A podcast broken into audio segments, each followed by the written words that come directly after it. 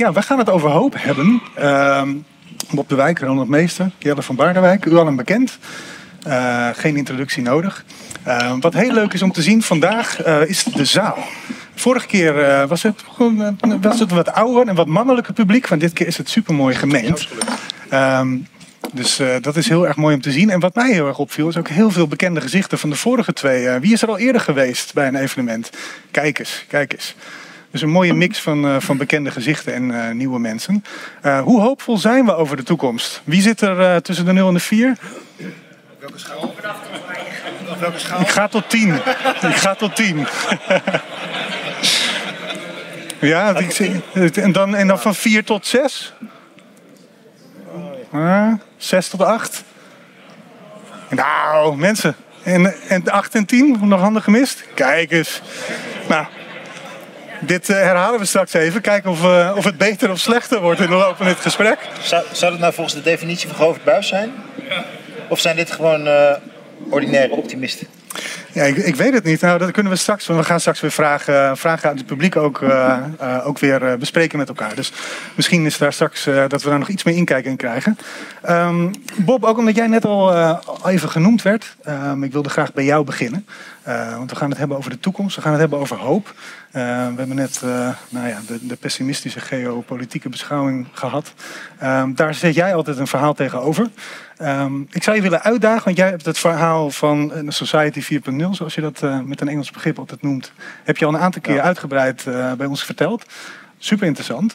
Um, ik zie een nieuw boek liggen en ik ben ook altijd heel erg benieuwd welke mensen leven nou in die nieuwe uh, maatschappij die jij voor je ziet. Dus misschien kunnen we daar, daar het gesprek beginnen. Ja, met die eerste of die tweede vraag? Nou, Eerst het boek maar even. Wat jij, wat jij, wat jij een logische volgorde Nou ja, goed. Marcel die verwees er al een beetje naar. Ik ben toen begonnen met, eerst met mijn oratie in 2017 en toen Society 4.0 in 2020. Uh, aangeven dat we in een andere samenleving zitten. We zitten in een, een transitiefase. Ben je goed te verstaan uh, trouwens? Dat, is dat mensen goed te verstaan? Ja, oké. Okay. Uh, nou is beter, oké. Okay. Uh, en dat, uh, kreeg ik eigenlijk twee, twee dingen. Eén is duiding van wat er gebeurt. Mensen snapten van heel veel dingen die gebeuren. Nu snap ik pas waarom dit allemaal gebeurt. Het heeft met die transitie te maken. En het tweede is, ik gaf hoop op een betere wereld. He, dat was eigenlijk wat, wat aantrok. maar ze zeiden ook van, ja, dat willen we ook wel eens ja, eigenlijk gaan implementeren. Toen zijn er een aantal mensen toen toegekomen. Die zei van wij gaan een coöperatie oprichten. Dat is een coöperatie Society 4.0 geworden. Uh, daar zijn we nu mee in het bouwen. Uh, Marcel is ook een van onze partners. Uh, maar er was ook van ja, we willen in de regio's gaan bouwen, maar dan moeten we wel een actieplan hebben. Nou, en dat is dan dit boek geworden, Regio 4.0. Hmm. dat is ook behoorlijk dik, zoals je ziet. en eigenlijk wat we hier gedaan hebben. dit is ook eens het eerste boek die ik met 30 experts heb geschreven. Ik kan je vertellen, een boek schrijven is lastig, maar met 30, 30 eigenwerkse pers, dat heb ik nog nooit van mijn leven meegemaakt. Dat is die Society 4.0, toch heel snel een expertocratie geworden. Ja, eigenlijk. Ja. Nou ja, goed, kijk, wat we gedaan hebben is het helemaal uitwerken hoe die toekomst eruit ziet uh, in tien domeinen. Dus eigenlijk zeg ik van we gaan naar een andere samenleving toe en die moeten we helemaal vanaf de basis opnieuw opbouwen. Dat heet dan Society 4.0. En in mijn visie, we kunnen, misschien kunnen we het daar nog even over hebben. De kern van mijn visie is dat we teruggaan naar de menselijke maat, naar de menselijke belangen en daarmee naar de regio. En daarom heet het ook Regio 4.0. Uh, en wat we zien is dat er heel veel initiatieven zijn. Het explodeert werkelijk waar. Niet alleen in Nederland, maar ook in heel veel andere landen. Uh, maar wat je dan eigenlijk ziet is dat er zijn wel heel veel initiatieven. Bijvoorbeeld een eigen munt of, of voedsel of gezondheid. Maar echt een integrale visie is er niet. Nou, en dat hebben we hiermee geprobeerd te doen. Uh, op tien domeinen. Dus we zeggen eigenlijk de toekomst bestaat op regionaal niveau. En, en wereldniveau, misschien kunnen we daar iets over zeggen, maar wereld- en regionaal niveau, daartussen is overbodig eigenlijk, strategisch gezien. Uh, dus als je opnieuw gaat bouwen, dan moet je dat tien belangrijkste domeinen doen. Uh, dat zijn voedsel, dus duurzaam en eerlijk voedsel, hè, waar Marcel ook iets over doet. energie en water, decentraal internet, dus helemaal loskomen van de techbedrijven. Hè, dus goodbye big tech, hè, zullen we maar zeggen, ook een partner van ons. Uh, samenwonen en leven. Dus u opnieuw leren dat we samen zijn. Uh, gezondheid, uh, onderwijs. Dan hebben we regionale economie. Dan hebben we eigen munt, een eigen bankieren. democratisch ondernemen. En als centrum, ik weet niet of je dat kan zien, maar dit is een. we hebben het gemaakt in een model en dat is een diamant. Uh, vond ik wel mooi, want diamant is heel hard, hè? heel stevig, heel robuust, zeg maar. Maar het midden van het diamant is de mens. En dat noemen we mens 4.0. Want de grootste transitie gaat zitten in de mens zelf. Dat is, uh, dat is wat, ik, uh, wat ik denk. Um, en misschien voordat we, voordat we, want mooi dat je, die, dat je die link inderdaad legt, maar ik ben nou toch nieuwsgierig geworden door wat je nu verteld hebt. Um, wij hebben bij de Nieuwe Wereld ook best wat ondernemers of, of gewezen ondernemers rondlopen. En um, wat, ik, wat ik zelf daar altijd heb geleerd is dat je hebt een heel mooi idee en dan ga je iets opzetten en dan loop je tegen allerlei eigenlijk hele kleine pieterpeuterige rotdingetjes aan. dus jij vertelt het altijd heel, ja, heel abstract en vanuit de visie. Um, waar, zijn jullie nou, waar was je verbaasd over waar jullie tegen aangelopen zijn bij het neerzetten van die, van die regio's? Um, wat. Um, nou, eigenlijk een paar dingen waren we wel verbaasd over. Eén um, uh, uh, is dat mensen vinden het toch lastig uh, om, een, om vanuit inspiratie aan het werk te gaan. En wij dachten van als je nou zegt van je maakt een hoopvolle visie en je geeft ongeveer aan waar het naartoe gaat. En mensen lezen het boek en mensen kijken naar podcast. Dan gaan ze aan het werk en dan gaat het wel. En dan zie je dat dat stagneert. En dat stagneren zat er erin dat mensen zeggen van ja, ik wil wat doen, maar wat dan precies? dan zijn ze wel geïnspireerd door de visie, maar dat wil niet zeggen dat ze tot actie kunnen komen. Nou, en dat, dat hebben we dan echt omgezet in het boek. Daarom heeft het ook heel veel tijd gekost om het goed te doen, samen met experts. Uh, en het tweede is, en dat hebben we toegevoegd uh, aan, de, aan de eerste editie die we hebben gemaakt daarvan. en dat is dat mens 4.0. wat mensen zich niet realiseren, uh, ik ga een beetje onaardig zijn nu. Um, wat mensen zich niet realiseren is dat wij als mensen ook echt een transitie moeten maken. Het is niet alleen maar samenleving, het is niet alleen maar voedsel en onderwijs of gezondheid. Wij moeten als mens moeten wij ook echt een transitie gaan maken. En als ik het even karakteriseer, mens 4.0, dat is de, de mens die in de toekomst in onze samenleving leeft. Dat zijn jonge mensen wat hier zit is geen mens 4.0. Mag ik dat Het is niet onaardig bedoeld, hè? Ik bedoel, ik vind jullie lief en, en hè, betrokken. Hè? Ik, ik, hou van jullie. Maar kennelijk ook afgeschreven. Maar uh, als, je, als je echt wel weet wat mens 4.0 is, hm? dan kijk je naar de volgende generatie. En als je naar die volgende generatie kijkt, ik heb zelf een dochter van 24 uh, en ik kijk naar haar en de anderen, dan zie je al dat ze een andere maatschappij voor zich zien. Ze weten dat ze een andere soort samenleving willen. Je ziet dat ze een beetje disconnecten met wat wij aan het doen zijn. En, en, uh, en als je dan kijkt wat de discussies zijn over de huidige tijd, hè, voor zover je begrijpt wat er gaande is, dan is het nog wel heel erg in die oude wereld leven als, als mens 3.0, vind ik. Zo kijk ik een beetje tegenaan. Hmm. Overigens, dit boek is er nog niet. Hè. Dit, dit boek wordt aanstaande woensdag gepubliceerd. Dus jullie zijn de eerste die het zien, mag ik dat even zeggen? Dat jullie even een. Hè, dus, mooi hè? Mooi hè? Hij wordt, hij wordt woensdag, uh, woensdag op Nijrode. Wat ook een interessant verhaal is. Uh, maar ik mag het op Nijrode mag ik het, mag ik het presenteren. Dus aanstaande woensdag van 5 tot 8. Jullie nemen het op. Marlies is voorzitter van, van die bijeenkomst. En er zijn nog zes kaartjes. Heb ik net gezien. Er zijn er maar zes. Daar zijn ze op. Dus ja. Oké, okay, dankjewel. We komen, we komen zo nog even daarop terug. Maar ik denk, ik denk dat dit ook wel een mooi bruggetje naar jou is, Ronald. Als we, als we het hebben over de, de, de, de kern van deze nieuwe maatschappij en de mens daarin. Ja. En wat die mens moet kunnen. Ronald en ik heb het boek net in één minuut even gelezen. Ja, oh. zeker. Kijkers van de Nieuwe Wereld weten hoe snel we dat doen. Ja. Nee, even, even, even tussendoor. Even, dat hebben we gedaan, hè? Ja, ja zeker. Nee, kijk, een, een, aantal, een aantal dingen die je noemt, daar, daar, zoals dat heet, haak ik op aan. Hè? Het woord disconnect, hè? dat resoneert bij mij enorm. dus ik, ik vind jouw visie uh, inspirerend. Hè? Soms denk ik ook van, uh, het zou geweldig zijn als je dat voor elkaar kon krijgen, als je dat kon realiseren. Um, wat, wat ik observeer is dat het zo moeilijk is om te connecten, juist vanwege het feit dat wij als maatschappij uh, eigenlijk in een ja, ik noem het zelf maar een, een, een technocratie beland zijn, waar het heel moeilijk is om uit te komen. dus ik, ik snap, dat, ik snap die, die, die, die wil en de drive om dingen lokaal en regionaal te doen. Dat, dat, dat begrijp ik heel erg goed. Maar we zijn ook overgeleverd aan wat er op ons afkomt. En dat is nogal wat. Dus wij, wij, wij worden uh, nou ja, bekogeld bijna. We worden van alle kanten belaagd door een overheid die iets van ons wil. En die wil iets in de vorm van. Uh, en, die, die formuleert het in de vorm van modellen, in de vorm van ideeën. Um, de, de ergste, het ergste daarvan moet nog komen. Hè. We hebben gezien wat bijvoorbeeld kunstmatige intelligentie uh, gaat, gaat brengen.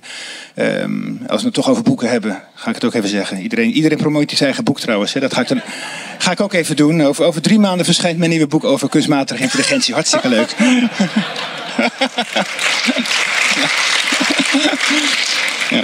En wat staat daarin, Ronald? Ja, dat, dat is een levensbeschouwelijk boek. Hè? Dus als, als, ik het, als ik het over techniek heb, dan heb ik het al gauw over levensbeschouwing en spiritualiteit. En de vraag van, uh, ja, waar blijft de mens nou eigenlijk? En dus techniek zet mensen ook op, af, op afstand van de wereld. Hè? Daarom haak ik aan aan dat woord wat jij dat noemt, het, het, het disconnect zijn. En ik, ik denk zelf dat, um, uh, ik ben ook wel hoopvol voor de toekomst, maar ik denk als ik naar de toekomst kijk, dan wil ik ook graag um, uh, leren van het verleden. En ik denk dat het heel veel aan kennis ontbreekt. Hè, niet per se bij jullie, maar bij de, de, de, de gemeenschap in het algemeen. En hoe wij geregeerd worden, hoe wij eigenlijk nou ja, min of meer gedetermineerd worden op dit moment door het modelmatig denken. Um, ik, heb, ik heb al eerder gezegd, links en rechts in de politiek, dat interesseert me eigenlijk niet zo erg meer. Uh, voor mij zijn de tegenstellingen die nu uh, rol spelen, zijn technocratisch versus menselijk. En dat is wat ik, waar, het, waar het om moet gaan. Dus ik, uh, in, in, in, in dat boek over AI proberen wij een beeld te schetsen. We proberen uit te leggen wat het eigenlijk is. Want heel veel mensen laten zich daar ook door overrompelen, maar ook, ook wel een beetje door gebrek aan kennis. En dus uiteindelijk moet je ook weten waar je eigenlijk mee te maken hebt.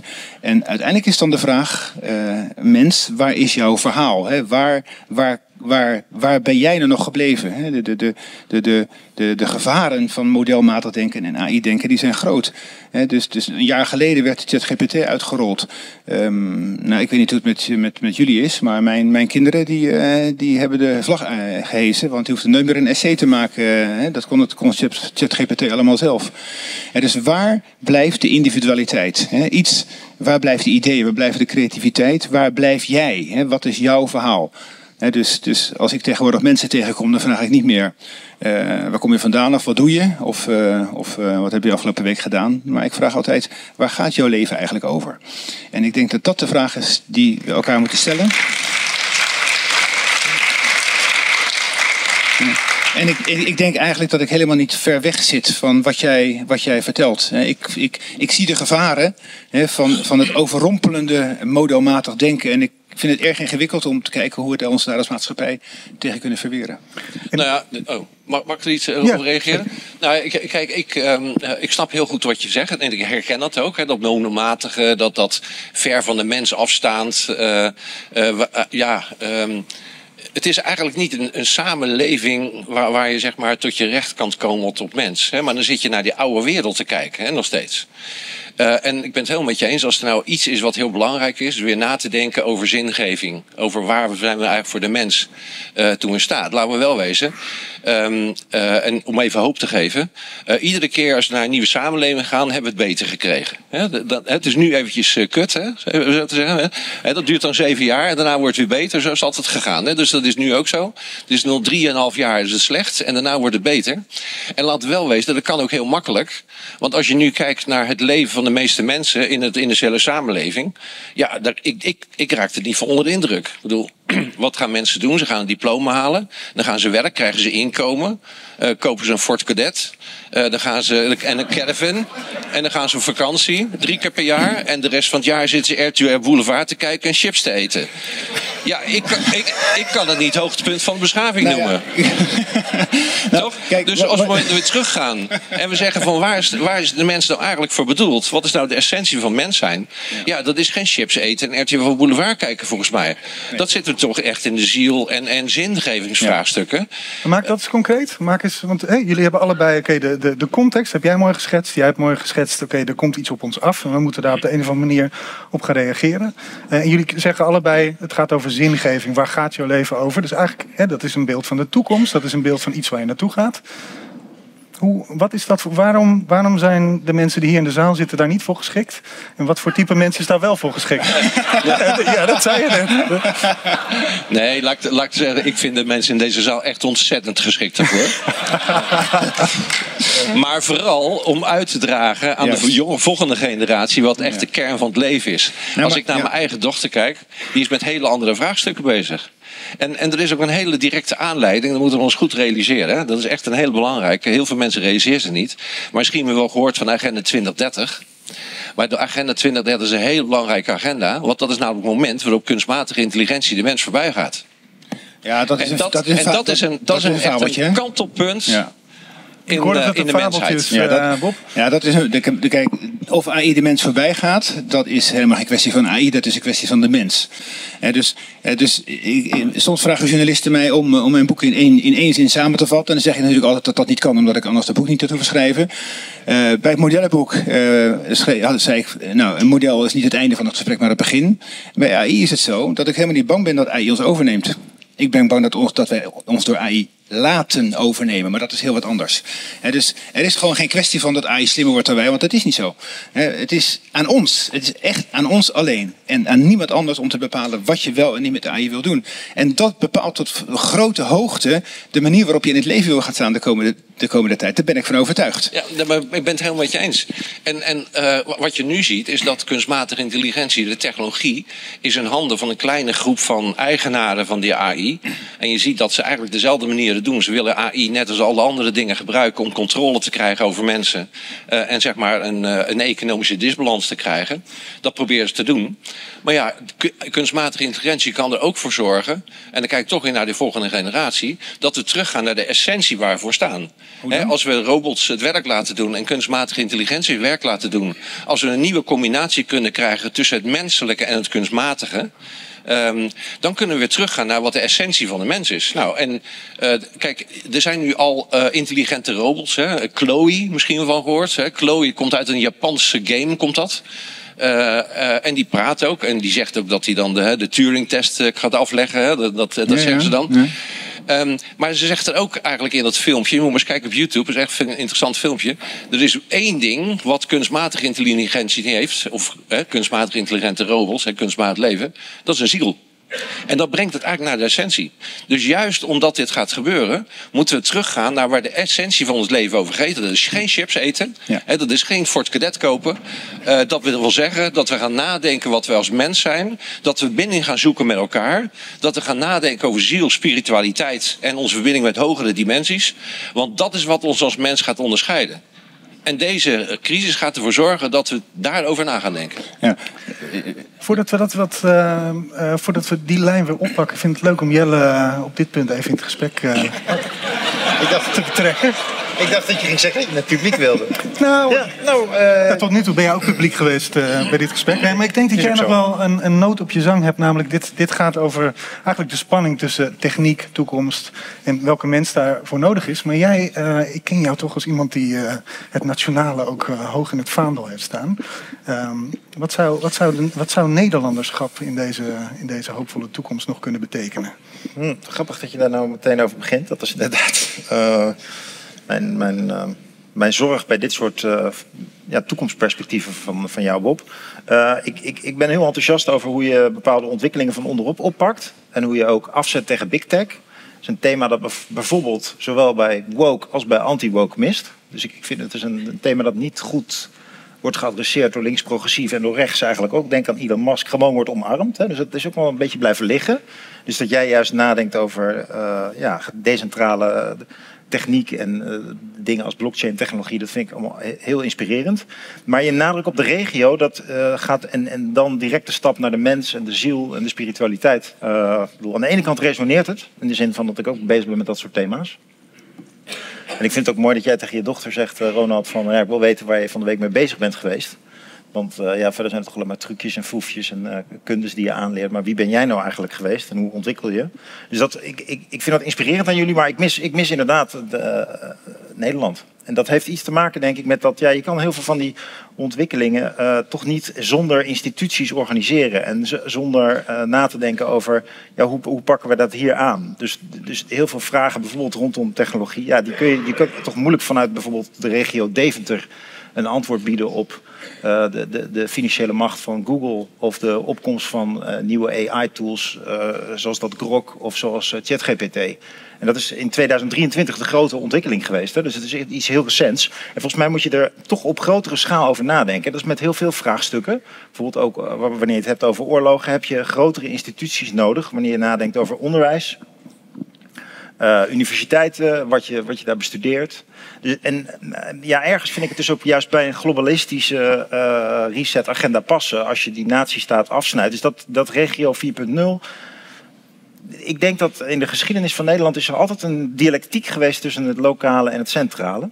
Dus Nederland wordt vanaf, al, vanaf de 19e eeuw al wel een, een gedecentraliseerde eenheidsstaat genoemd. En dat zit eigenlijk al in dat we een land van gewesten waren die toen centraliseerden. De Fransen die ons de achternamen uh, gaven. En er zit heel veel bevrijding in. Uh, straatnamen, achternamen enzovoort. Dus die centralisering heeft ons veel gebracht. Ook frustratie. Uh, die probeert, het beroemde huis van Thorbecke. Gemeentes, provincies, de landsorganisatie. En die, en die structuur die is dus eigenlijk onderdeel van de Nederlandse geschiedenis. Dat je dus dingen, sommige dingen zijn regionaal. Andere dingen zijn meer nog op een lager niveau. En weer andere dingen zijn op uh, nationaal niveau georganiseerd. Soms ook, dan haak ik even in op het eerdere gesprek vandaag. Simpelweg ook weer als antwoord op andere landen. Dus ik denk dat het uh, belangrijk is om die, om die nationale ruimte wel uh, te blijven definiëren. Sterker nog, ik denk dat het onderdeel is van eigenlijk de geschiedenis van Nederland. Dat wij heel goed zijn in het onderzoeken uh, wat de verhouding tussen het lokale en het nationale kan zijn. En dat we steeds weer te maken hebben met regenten die eigenlijk ja, denken van volg ons nou maar leidelijk. Wij weten het wel beter, wij centraliseren wel. Dus het is heel goed dat jij het opneemt voor de regio, maar je slaat voorkomen door. Je, je, je hebt die nationale ruimte nodig. En daarbij hoort ook een bepaalde taal, een bepaalde traditie. Eh, eh, doe even normaal. Dat is precies de Nederlandse traditie. Een zekere matigheid, een zekere orde. En, en, en die, die, die mis ik in ons land uh, wel eens. En, als je geschiedenisboeken leest, of meer filosofische speculaties over geschiedenis. Neem bijvoorbeeld Huizinga, die heeft dus een boekje geschreven, of een artikel eigenlijk, over het geestesmerk van Nederland. Die zegt van, ja, Nederland is eigenlijk een burgerlijk land. En uh, alles is hier maar uh, kleinschalig georganiseerd en er is niks heroïs aan. En dat heeft nadelen, maar ook voordelen. Bijvoorbeeld dat de verschillende standen met elkaar uh, in, in, verbinding blijven en, eerlijke gesprekken met elkaar voeren. Belangrijke deugd volgens hem, net als maat. En, en dat heeft iets te maken met die nationale ruimte. Het heeft niet zoveel te maken met alleen maar het regionale. Het gaat er juist om dat je in Den Haag met elkaar uitkomt. En als je dat afschaft, ik, ik, ik vind je wordt een gevaarlijke speelbal van grotere uh, ontwikkelingen die jij volgens mij heel goed in beeld hebt. Dus, dus ik denk eigenlijk, die, die, die natiestaat die doet er ontzettend toe. En die, dat is eigenlijk het hoofdstuk wat mist in dit boek. Ik heb het net even in één minuut gelezen. Bob, je, je, nou, ik, je ik moet volkomen door.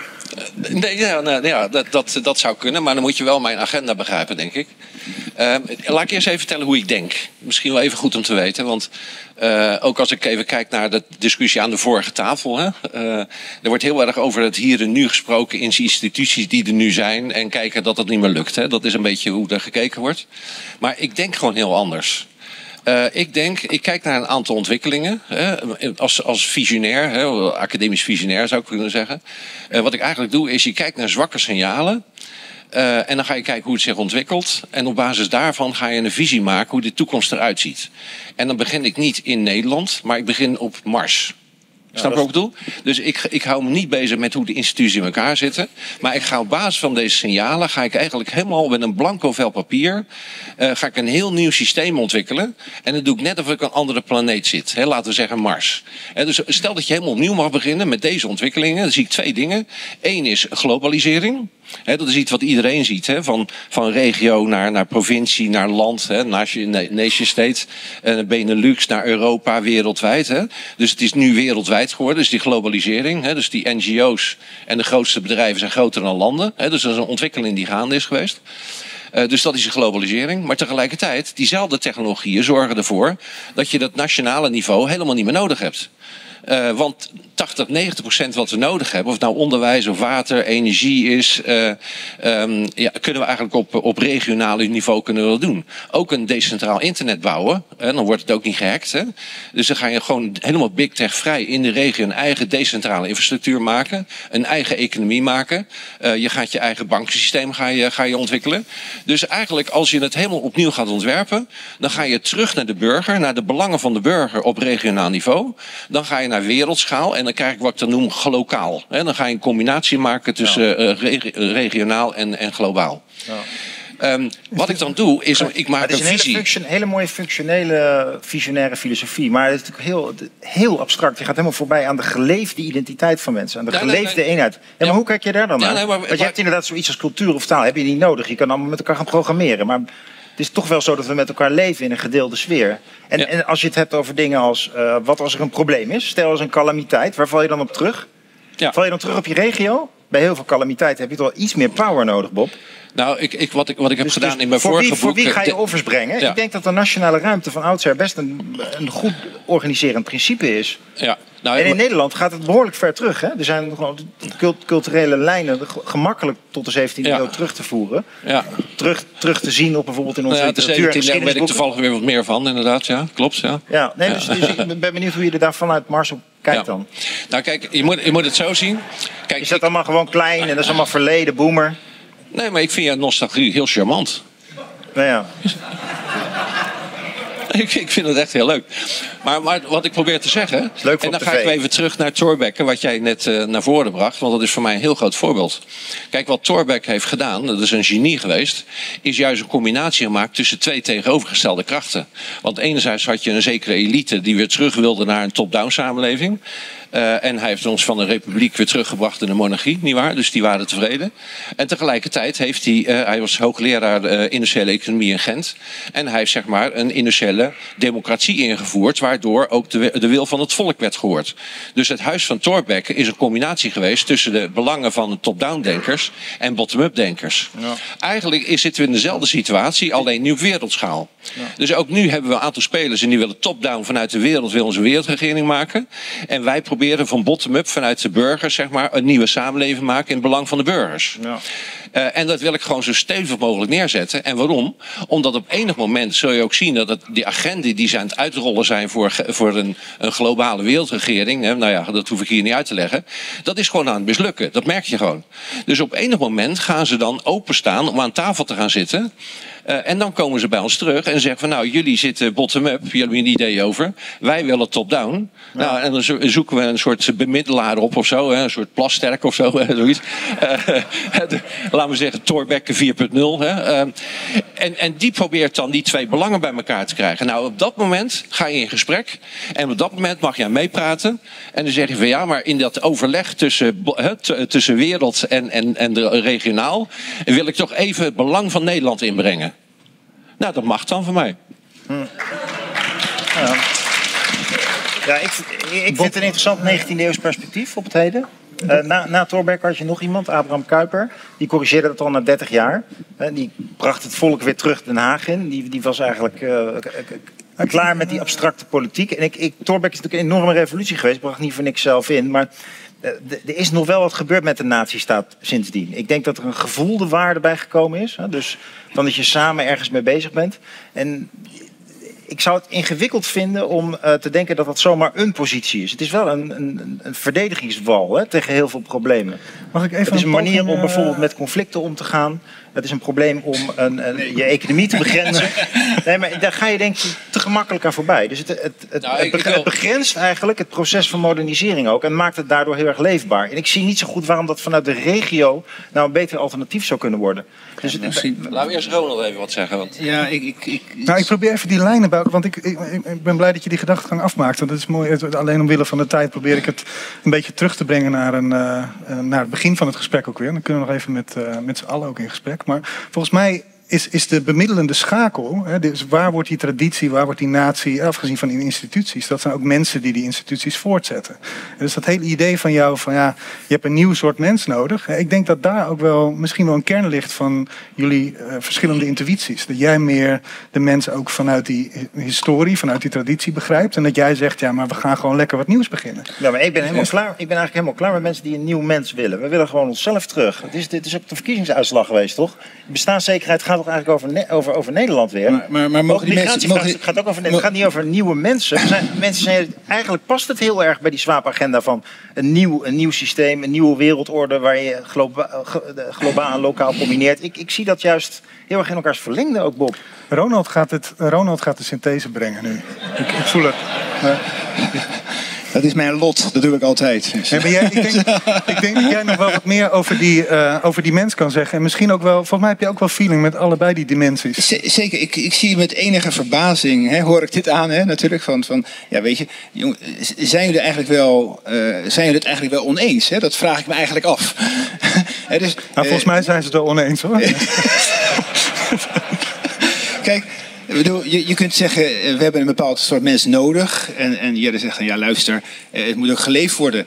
Ik bedoel, ik, ik weet niet wat er nodig is. Ik weet wel dat mensen leven, dat mensen verhalen nodig hebben, dat mensen identiteit nodig hebben. Dat, en die identiteit ontleenden ze aan een heleboel zaken. Dat is niet alleen maar het feit dat je in Nederland woont. Dat is niet alleen maar het feit dat je hier in Driebergen of, of in mijn geval in Leiden woont of in je eigen wijk of in je eigen straatje. Dat is een heel complex een heel complex iets. Hè? De, identiteit, waar je je thuis voelt, waar je je leven denkt te kunnen gaan leven. Ik vraag me af of, of, of, of Bob niet, uh, als ik het even heel oneerbiedig zeg, maar ik, ik weet even geen ander woord, te drammerig is. He, van wij hebben iemand nodig. He? Te drammerig? Drammerig. Oh, drammerig. Niet drom, drammerig, ja? Heb je hem? Jij zegt. Ja, ja. En dus wat, wat, wat hebben we nodig? Je moet, moet je niet beter kijken naar wat wat er uit de mensen komt. Ik bedoel, is, is dat niet belangrijker? Ik bedoel, mensen leven bij verhalen, mensen leven bij een gedachte dat ze ergens vandaan komen. Ze hebben een geschiedenis, ze hebben een spiritualiteit, ze hebben een manier, ze hebben een ziel en ze gaan ergens naartoe op een of andere manier. Dat is allemaal al zo ik, daar zoek ik naar. En dan weet zeg jij niet ook dat, dat we dat op een andere manier of op een diepere manier moeten gaan doen dan we het nu vaak doen? Nou, we doen het denk ik vaak op een verkeerde manier, omdat we deze ziel van de mens hebben geïnstitutionaliseerd. Hè, op een manier dat denk ik niet werkbaar is. Hè, dus als ik, hè, dus, dus, dus uh, het, het, het, gebeurt mij zo vaak dat ik, dat ik ergens kom en dan, dan zeggen ze mensen, joh Ronald, je bent toch een aardige en slimme jongen. Jij gelooft toch nergens in? Geloof je die onzin nou nog? Weet je, het, het, het, het idee van spiritualiteit, levensbeschouwing als het verhaal, als iets wat we allemaal nodig hebben, dat is ondergesneeuwd in onze rationele manier van naar de wereld kijken.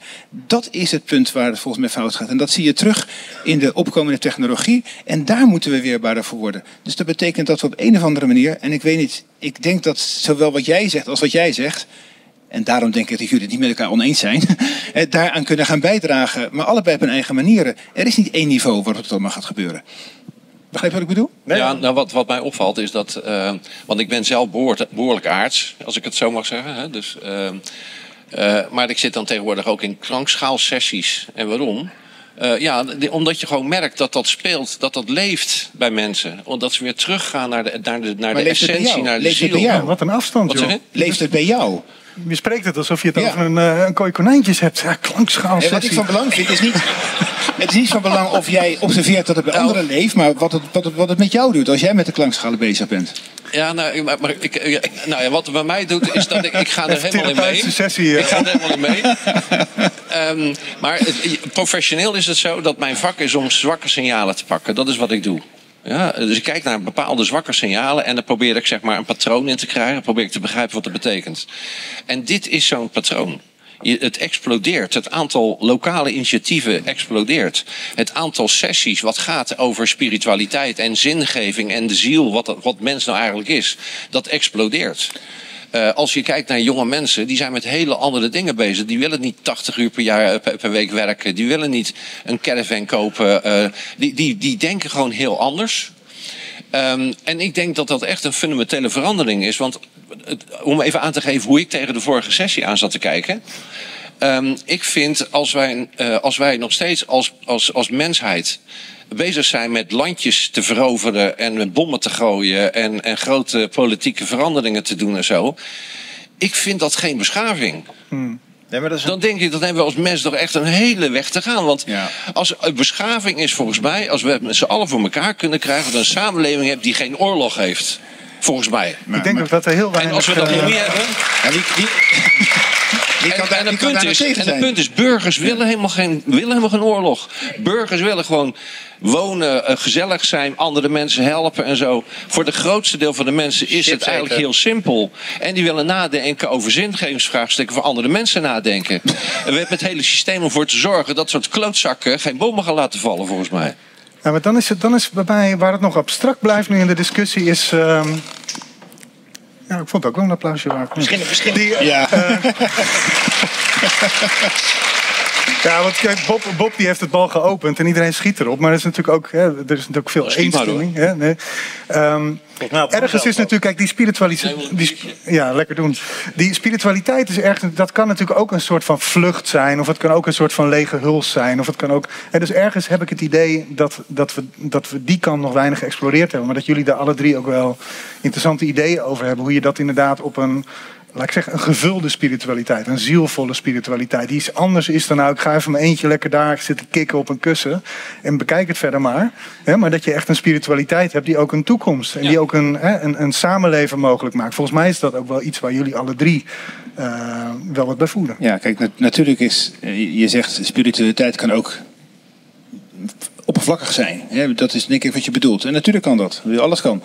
Dus, dus, dus het, het woord zelf belichaamt veel meer dan dat. Het, is een nou, het kan ook binnen het systeem dat we nu hebben, kan het een heel specifieke functie vervullen die het systeem in stand houdt. Terwijl een echte verbinding met, laten we zeggen, de kosmos of God eh, eh, een nieuwe richting geeft. En niet alleen in stand, die consumptiviteit en dat individualisme in stand houdt, maar het op de een of andere manier verdiept. Dus, nou, ik denk dat dat is een van de functies van, uh, van, van, van een religieuze benadering van de werkelijkheid dat om uit het individuele te komen. En ja, je mag, iedereen, je mag dat van mij, je mag het noemen wat je wil. Hè. Ik denk dat elk, iedereen, elk volk, elk, elk, elk, elk, land zijn eigen God creëert. En dat is maar goed ook, want ze creëren die God die zij nodig hebben.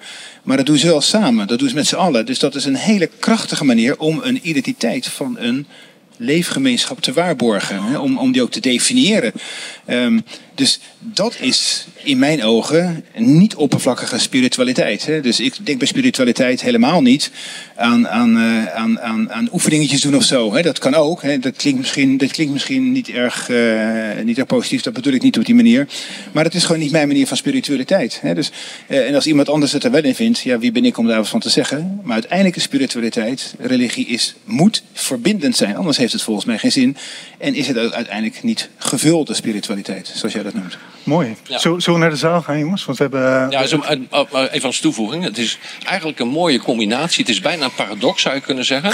Want enerzijds zoek je verbinding met elkaar. Hè, dat geeft uh, één ding. En aan de andere kant mag je ook jezelf zijn zoals je bent. Uiteraard. Hè, dus het is het, hè, jezelf zijn en in de verbinding. Dat is een paradox waar we eigenlijk in de geschiedenis altijd naar op zoek zijn geweest. Dat is een hele gezonde spanning, denk ik. Hele, ja, hele, hele ja, interessante, spannende spanning. Ja, wat ik overigens mooi vind, even als voorzitters, dat we in deze zaal zitten.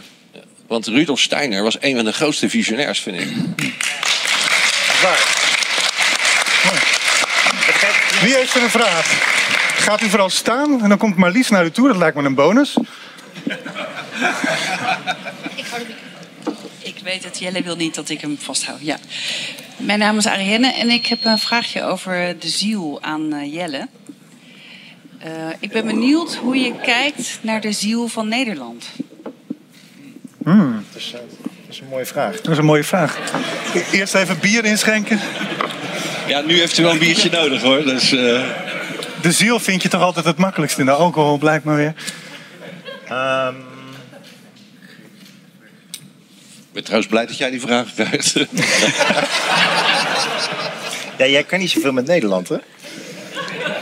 Is dat een sceptische vraag of is dat een vraag dat u ook op zoek bent naar de ziel van ik Nederland? Heb een, ik heb een kort antwoord. Probeer, probeer het. Uh... Volgens mij is die heel duidelijk. Jullie zitten tijd trekken. Dus... Ja, nee, ik denk. Uh... Eenheid in verscheidenheid. Leuk om te zeggen dat dat al jarenlang een van mijn persoonlijke motto's uh, is. Oh. Nou, dat is mooi. Nee, maar dat, heeft te maken met dat uh, proces wat ik net even schetste. Als je bestuurskundig uh, politiek naar Nederland kijkt, dat we al van, van oudsher dus zoeken naar die dialectiek tussen het uh, kleine en het grotere. En dat het grotere ons ook veel brengt. En nog even inhakend op dat eerdere gesprek, ook al identificeren mensen zich met allemaal moderne dingen zoals klankschalen en houdt je dochter of jouw dochter zich bezig met nieuwe hobby's waar wij ons niet meer in kunnen verplaatsen, maar die wel de toekomst zijn impliciet veronderstellen zijn natuurlijk heel veel uh, gedeelde zeden, gewoonten, veel normaliteit. Uh, ook in de betekenis van beschaving. Uh, van taal tot onderwijs en hoe we de dingen hier doen met elkaar. En het is wel zo dat als je jonger bent, dan besef je niet hoe belangrijk die humuslaag van cultuur is. En als die er niet meer is of onder druk staat, hè, zoals nu in het onderwijs bijvoorbeeld met de kwaliteitsval, dan wordt een beetje zichtbaar wat er, wat er kan gebeuren als die humuslaag verder vermomt. En, en, dan kom je toch op nationale instituties aan om dat in cultuur te houden. En het is denk ik ook heel veel makkelijker om te spreken over uh, gedeelde interesses op individueel niveau, over lifestyle of over stadscultuur. En ook bedrijven die zichzelf in een soort van blockchain fietsen of uh, geld verdienen omdat ze aan ketenverantwoordelijkheid doen Het is allemaal peanuts vergeleken met het opbouwen van een land. En het cultiveren van een land, het in stand houden van een land, het niet verliezen wat generaties lang hebben opgebouwd, is echt veel moeilijker dan met een paar bedrijven in tien jaar lang uh, een, een, alternatief bankair stelsel uh, uit de grond stampen. Dus en, da, dat is, en dat is het domein van het nationale. En dat is gewoon ook het verdedigen waard, denk ik. Omdat het veronderst we veronderstellen het. Ja, mooi. Oké, okay, volgende. Dank voor de vraag.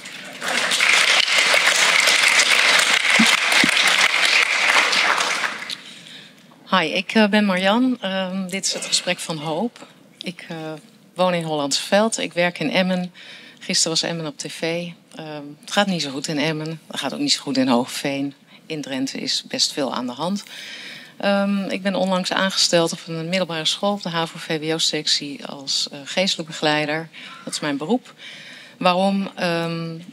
Jij hebt een dochter, ik heb ook zo'n dochter. Maar dat is maar zo'n klein stukje van de Nederlandse kinderen. Ja. En um, het grote vraagstuk wat gerezen is in deze school, is dat kinderen zijn niet meer aangehaakt op ouders en ook niet meer op het onderwijs. Ze zijn aangehaakt op de tablet. De digitale wereld staat op één. Um, het grootste probleem is dat kinderen maken die brug niet meer. En dat wat jij zo mooi schetste net over de cultuur, de bedding. We hebben een ziel. Om daar iets mee te kunnen, ja, is onderwijs wel heel belangrijk. En nou ja, goed, Ad heeft het vaak over. Dat onderschrijf ik ook enorm. Het onderwijs heeft het allemaal weggegeven. Maar in Emmen, nota bene in Emmen, nou, daar is een school. En ik denk dat dat vrij revolutionair is in Nederland. Die een geestelijk begeleider heeft aangenomen. Om kinderen weer proberen in contact te brengen met hun ziel. En in contact te brengen met een mens. En de tablet langzaam die school uit te drukken. Want dat is echt heel hard nodig. Dat is het.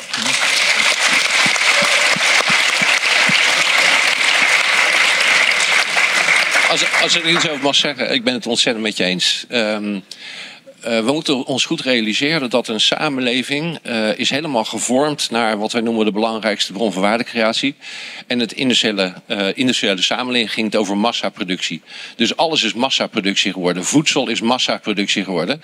Maar onderwijs, hè, onderwijs was heel lang het verheffen van de mens. Hè, zorgen dat je als mens op hoger niveau komt door na te denken, kritisch te zijn, filosofie, talen, culturen. Hè, dat was de manier om mensen op een hoger niveau te krijgen.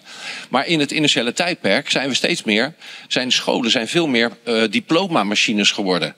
Waar kinderen zeg maar een pijplijn worden geduwd. Je stopt je een kind in en er komt een diploma uit. En daarna moeten ze gaan doen wat, wat gezegd wordt.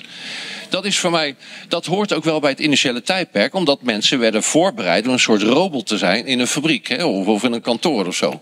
Dus dat hoort daarbij, zou je kunnen zeggen. Wat we nu moeten doen, volgens mij, is weer teruggaan uh, naar de essentie van wat, wat onderwijs nou is. En dat is verheffen van de mens, dat is de ene kant. Plus dan de uitdaging waar we nu in zitten, is enerzijds, nou, je hebt het heel goed gezegd, die digitalisering, dat gaat vrij ver. Maar dat begint thuis, hè? Zeker, dat begint. maar aantoetsen. Ja, Hij kan klopt. niks. Dus nee, die, klopt, en daarom inderdaad. zijn ze psychisch niet volwassen als ze 13, 4 of niet volwassen, Ja. maar in die zin, Helemaal ze lopen eens. enorm achter op psychische ontwikkeling. Ja, daar ben ik helemaal met je eens. Dus het geldt zowel in school, maar ook bij, bij ouders moeten ze realiseren wat deze digitaliseren, beteken, eh, di- digitalisering betekent. Het is niet alleen connecten. Eh, maar er zitten heel andere processen achter. En er zijn ook een aantal bedrijven die proberen die kinderen uit de reële wereld te krijgen, in die virtuele wereld te krijgen, waarin ze zelf gaan bepalen wie ze willen zijn. Hè, Dus ben je, een, ben je een jongetje en dan wil je graag een eh, mooie vrouw zijn, dan ben je digitaal ben je een mooie vrouw en dan ga je een hele andere. Dat, dat doet iets met de psyche van de, van, Het van de mens. Ja, sorry dat ik in de reden val. Kijk, dat is wel bekend, maar het begint ook bij de ouders. Nee, En daarom, zeker. wat jij zegt, antropia. Ik heb hier biografiek gedaan, levensloopkunde.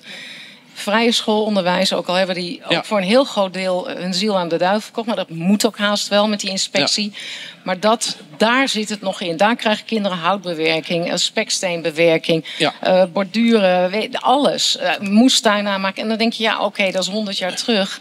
Maar dat is wel de essentie van de mens. Ja. Ik Wij hebben hem, ook nog eh, een lichaam. Dus je gaat helemaal even- terug naar de essentie van de mens. Dat klopt helemaal. Het zit hem in de ontwikkeling van kinderen, ook bij ouders. Hè, dat ze ook weten waar het in zit en in het onderwijs. En om een van de voorbeelden. Jij, jij hebt het heel de- mooi gezegd ook. Jij met je ziel, Ronald. Jongens, ik, eh, ik, rond, ik rond hem toch even af. Want volgens mij, gezien de bijval die jullie allebei hebben gekregen... Hè, wordt jullie onderwijsvisie en ook jullie visie op eh, het gebruik van tablets op school... wordt heel erg gedeeld. Laten we, laten we nog twee... eh, Dat, dat zou ik niet zeggen. Nee, dus ik, ik, de, kritiek op tablets is terecht. Maar de manier ook waarop jij nu over onderwijs spreekt eh, als soort diplomafabrieken. eh, het probleem van het Nederlandse onderwijs is voor een deel ook mensen die het allemaal maar willen veranderen.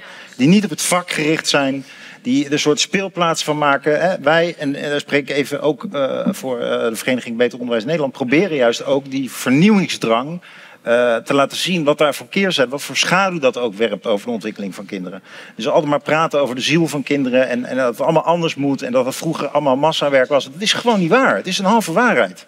Je hebt juist heel veel geleerd van de leraren vroeger die jou gewoon vertelden hoe de sommetjes werkten en eh, hoe je een boek kon lezen. En een van de problemen nu van het huidige onderwijs is juist dat het gewoon heel weinig over kwaliteit gaat. Er is op zich geen tekort aan mensen met allerlei goede bedoelingen en toekomstperspectieven. Dus een van de problemen van het ba ba- basismiddelbaar en zeker van het mbo-onderwijs is echt visies over Society 4.0. Sorry, het moet, het, in de basis was er niet zoveel mis met Society 3.0 of 2.0. Ik weet niet hoe je dat allemaal noemt, maar ehm, die vernieuwingsdrift heeft ook problemen veroorzaakt, Bob. Ik denk dat je die schaduwzijde echt onder ogen moet komen. Nee, ik ben er bezorgd over. Ehm, ik, denk, eh, ik denk dat je onderschat eh, hoe fundamenteel deze ontwikkelingen zijn. Het is geen vernieuwingsdrang. Ik denk waar, heel, wat, waar, waar we het in onderwijs veel te maken, eh, eh, erg veel last van hebben, overigens niet alleen het onderwijs, dat geldt voor meer onderdelen van de samenleving, is juist dat alles is gedaan door. door controle en door regeltjes en allerlei overheid en zo. Overal is een, is een ding van gemaakt. Volgens mij is de vernieuwing is zeker in deze tijd van de technologische ontwikkelingen sowieso nodig. Of je nou leuk vindt of niet. Ehm, maar wat we moeten doen is het afbreken van dat soort eh, institutie. eh, die de kinderen willen volpompen met, eh, met, met bepaalde dingen die ze moeten luisteren. Ze mogen niet meer zelf nadenken. En het zit helemaal vast met regeltjes van allerlei ambtenaren. die ergens in een bureautje in Den Haag of in Brussel Bob? dingen zitten te bedenken. Bob, Daar zit het we- probleem. We gaan, we gaan verder. En ik wil even zeggen, Marian heeft zich ook als vrijwilliger aangemeld voor de nieuwe wereld. Dus, hè? Eh, mijn naam is Peter Dees. Ehm, ik, ehm, ook voor de pauze mis ik eh, eigenlijk wel het woord eh, religie. Dat is nu nog een paar keer gevallen. Er wordt ook over spiritualiteit, maar dat is voor mij toch echt iets anders. Ehm, ik vraag me ook even af, Ronald, of jij daar een verschil tussen ziet. En ik ben eigenlijk vooral benieuwd, want het, het wordt mij allemaal heel materialistisch eigenlijk, heel concreet. Terwijl ik denk dat achter alles zit een bodem, of onder alles ligt een bodem. En ja, die heeft heel erg met identiteit en religie, geloof te maken. En ik denk dat het ontbreken daarvan, ook vanavond, maar ook in onze maatschappij, een enorm grote rol speelt. Hoe denk jij daarover? Wat, betreft je eerste, dank je. Eh, wat betreft je eerste vraag, eh, ja, het, onders, het onderscheid is er. Ehm, sommige dingen zijn wel eh, onderscheidbaar, maar niet echt scheidbaar. Het, het, het zijn verschillende dingen. Ik, ik denk zelf ruwweg bij religie aan iets, geme- aan iets wat we gemeenschappelijk hebben. We hebben een gemeenschappelijk eh, beeld, we hebben gemeenschappelijke verhalen.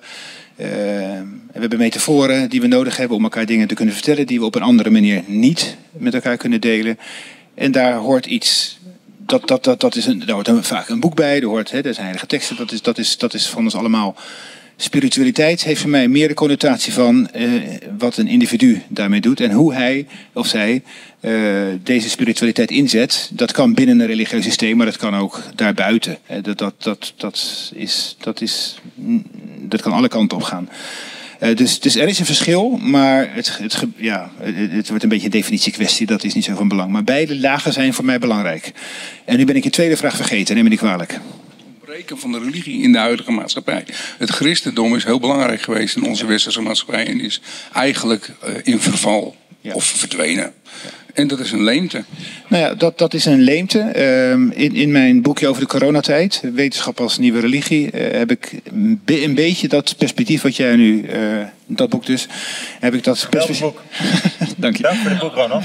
alsjeblieft. uh, dus ik heb in dat boek geprobeerd te schetsen wat wat in, in mijn ogen de, de, de onderliggende diepere reden was dat het zo uit de hand heeft kunnen lopen. En mijn conclusie was, we hebben geen verhaal meer. We hebben geen religie meer. En nu is wetenschap, techniek is onze religie geworden. En dat is het enige verhaal waar we nog in geloven. En dan gaan we dat dus volgen. Mooie vraag, mooie vraag. We gaan naar de, de laatste vraag toe uh, van, dit, uh, van dit gesprek. Goedenavond, mijn naam is Sandra. En uh, ik heb ook nog een vraag naar de nieuwe mens. Want die nieuwe mens, die ik zie in mijn dochter bijvoorbeeld, die kan een mees niet van een uh, merel onderscheiden. En dan vraag ik mij af, als wij regionaal voedsel willen verbouwen en daar dan mensen voor hebben, dan hebben wij heel weinig experts die überhaupt weten wat dat inhoudt. En dan zou ik mij aan willen als elder, want die hebben we nodig en dat zijn heel weinig mensen, ook in deze generatie waar wij hier zitten, dat überhaupt nog mensen iets weten hoe voedselverbouwen werkt. Of welke. Mijn, mijn dochter die lachte mij dus uit toen ik iets niet met Instagram kon. En dat was nog voor corona. En toen zei ik tegen haar, er komt een tijd, maar ik wist niet dat het zo snel komt. Dat wordt jou de bodem onder de voeten vandaan getrokken. En dan kun jij nog dit en meer niet meer. En zover zijn we nu op dit moment. Dus wij moeten ons echt verenigen. En ook graag, bottom-up. Want ik geloof ook dat dat regionale heel belangrijk is. En ik geloof als je daarvan uitgaat dat mensen zich ooit zo ontwikkeld hebben, dat die dus in stammen bij elkaar gekomen zijn. En dat overal kleine regio's gevormd hebben dan komt ook weer die complexiteit van een samenwerking, die komt dan ook weer. En uiteraard zijn wij daar niet van, kunnen wij daar niet van afstaffen, omdat wij natuurlijk onder de zeespiegel liggen en er komt zoveel water aan. Maar toch denk ik dat dat bottom-up een heel belangrijk teken is voor ons allemaal om daar aan te werken. Dat is een hele mooie vraag. Um, ik heb een aantal keer een presentaties gegeven bij scholen met kinderen tussen de 10 en de 14. Uh, en daar heb ik een aantal dingen voorgelegd om te kijken hoe ze reageerden. En zo was er bijvoorbeeld een, uh, een, een filmpje uh, van een, een, een, laptop, zeg maar. Een, die hadden ze gemaakt in de vorm van een, van een contactlens. Ik weet niet of je dat wel eens gezien hebt. Maar ze hebben dus een contactlens gemaakt en die functioneerde als een computerscherm, zou je kunnen zeggen. En dus hebben de ene oog zijn ze hun gewoon oog en de andere werkt dan als een computerscherm. En toen heb ik aan die kinderen heb ik laten zien. Ik zei, wat vind je er nou van? Gewoon even open, wat vind je er nou eigenlijk van? En eigenlijk hoorde ik precies deze twee dingen. Enerzijds, sommigen zeiden van, cool, kan ik de hele dag gamen? Weet je wel? Zo, en dat is de ene kant. En de andere zei van, ja, maar dat wil ik helemaal niet. Ik wil weer terug naar de natuur. Ik wil eigenlijk weer terug naar mezelf. Ik wil eigenlijk weer harmonie met de omgeving hebben. En die, die spanning, zeg maar, dat zit ook bij die kinderen. Dus het is niet of-of. Want die digitale realiteit is nou even realiteit. Daar kun je van alles voor vinden, maar dat is nou even zo. En de andere kant betekent het ook dat je weer meer mens moet worden, inclusief harmonie met de natuur. En weer teruggaan naar de essentie waar de mens over gaat en waar de natuur over gaat. En dat is die spanning die tegelijkertijd plaatsvindt. En daar zit die kids volgens mij middenin.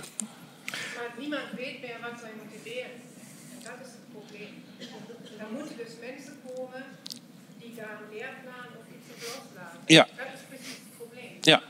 Nou, ik, ik, ik, ik vond Rudolf Steiner nog steeds een grote inspiratie. Maar onderwijs is ook een van de tien domeinen waar we echt aan gaan werken. En als je zegt van ik wil meewerken, heel graag. Wij willen dat samen met jullie gaan doen. Ik bedoel. ik heb nog drie vragen, dat? Um, ja, dat hangt ook een beetje van hoeveel tijd jullie nog met z'n drieën willen nakaarten. Wat hoe laat is het nu? Het, het, is, nu het is nu tien over elf. Dus ik denk Oké, dan kan het nog. Uh... Nee, we zouden om kwart voor elf jullie drieën nog even doen. Maar als... Kwart over elf, toch? Kwart voor elf. Doe maar een vraag. Nou, ik, ik vind vragen leuk, dus... Uh... U had een vraag. Meneer De Wit zegt... Uh, kinderen denken nu de kids denken nu heel anders. Maar ik denk dat wij op weg zijn in het PISA-onderzoek... één op de drie Nederlanders kan niet goed. Wij kunnen onze kinderen niet meer leren lezen en schrijven. En dat je hebt de taal nodig om helder te kunnen denken. Dus we hebben straks een heleboel kinderen die niet meer kunnen denken. En dat is een heel, heel groot probleem. Dat onderwijs en meneer Steiner, ik verafschuw hem. Want dat is eigenlijk een van de mensen van het nieuwe leren. Het kind moet regisseur zijn van zijn eigen leerproces. Nee, je moet als kind heel veel begeleiding hebben. En als leerkracht moet je heel veel weten. En je kunt ieder kind leren lezen en schrijven. En dat konden wij ook. En dat is heel erg. En daar maak ik mij ontzettend zorgen over. En het heeft me geroerd, Jelle, wat jij zei. Eh, de Nederlander wil zichzelf terug.